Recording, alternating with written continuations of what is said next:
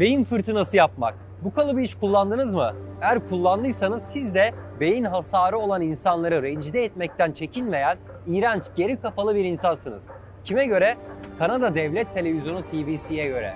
CBC yayınladığı bir makalede Kanadalıların kullanmaması gereken 18 kelimeyi saydı. Bu kelimelerden biri de beyin fırtınası. Makaleye göre bu terimi kullanmak beyin hasarı olan ya da nöroçeşitliğe sahip olan insanlara karşı duyarsızlık göstergesiymiş. Ortada normal şartlarda gülüp geçeceğimiz bir makale var. Ancak korkutucu olan kelimelere karşı savaşın gerçek olması. Bu içerikte örnek olarak dahi kullanmak istemediğim bazı kelimeler muhatap aldığı toplumsal kesimleri aşağılayıcı bir yan barındırıyor olabilir. Bunlar görgü ve nezaket gereği zaten kullanılmaması gereken kelimelerdir. Ancak bugünlerde bazı çevrelerin yaptığı şey işin boyutlarını değiştirecek cinsten. Düzenli olarak kullandığımız ve rahatsız edici olmayan kelimeler hedef alınıyor, kusurlu bir mantık yürütmeyle bu kelimelerin köken hikayelerine gidiliyor, oradan yola çıkarak kelimeler ırkçı, duyarsız ya da cinsiyetçi olmakla suçlanarak işaretleniyor. Ardından bu kelimelerin kullanılmaması için sosyal bir baskı oluşturuluyor.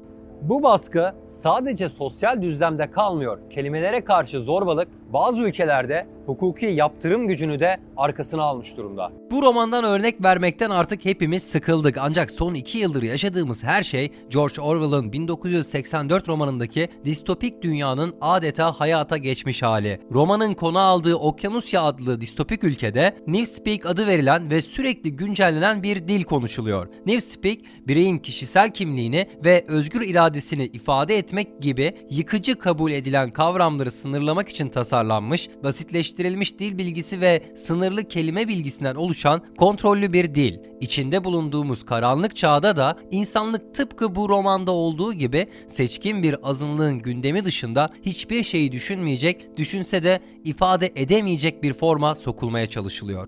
Bu söylemi abartılı mı buldunuz? Öyleyse çok değil sadece 2 ay öncesine 30 Ekim 2021'e gidelim. 30 Ekim 2021'de Birleşmiş Milletler Newspeak'in günümüz dünyasındaki bir versiyonunu yayınladı. İsmi Kapsayıcı İletişim İlkeleri. Bu 30 sayfalık bir belge, resmi söylemle eşitlik birliğini uygulamaya yönelik yürütülen planın bir parçası. Ancak gerçekte yapılmak istenen ağır ceza tehdidi altında düşünmeyi ve konuşmayı kontrol etmek. Belgede yer alan maddelerin bazıları şöyle. Hitap edilen kişinin açık tercihi olmadıkça bay veya bayan terimi kullanılamaz. Cinsiyet sorulduğunda erkek kadın seçenekleri sunulamaz. Diğer ve söylememeyi tercih ediyor seçenekleri de eklenmeli. Dinleyicilere asla baylar ve bayanlar diye hitap edilemez. Göründüğü üzere geleneksel cinsiyeti ve temel biyolojik gerçekleri kamusal konuşma alanlarından silmeye çalışıyorlar. Ancak sadece bu değil. Kılavuz ayrıca medya dilinin dini izlerden arındırılması gerektiğini söylüyor. Avrupa Komisyonu'nun bu uygulamasına ilk güçlü tepki İtalyan sağından geldi. Gazeteci Francesco Gabbiali bu dilin iddia edildiği gibi kapsayıcı değil, aksine bölücü olduğunu söyledi. Böylece dikkatleri üzerine çeken rehbere beklenmedik bir tepki de Vatikan'dan geldi. Bugüne kadar küresel projelere desteğiyle tanıdığımız Papa bu kılavuz için diktatörlük uygulaması terimini kullandı. Gelen tepkiler üzerine komisyon kılavuzu yayından kaldırdı ve revize edeceğini açıkladı. Bu geri adım bir kazanım olarak görülebilir ancak öyle değil. Çünkü bu kılavuzda yazanlar yasalaşmamış olsa dahi medya üzerindeki baskı yoluyla hayata geçiyor.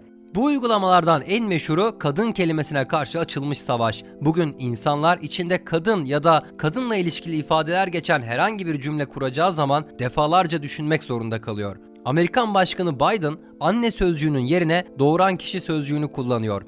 Tüm bu uygulamalar kapsayıcılıkla ilgili değil.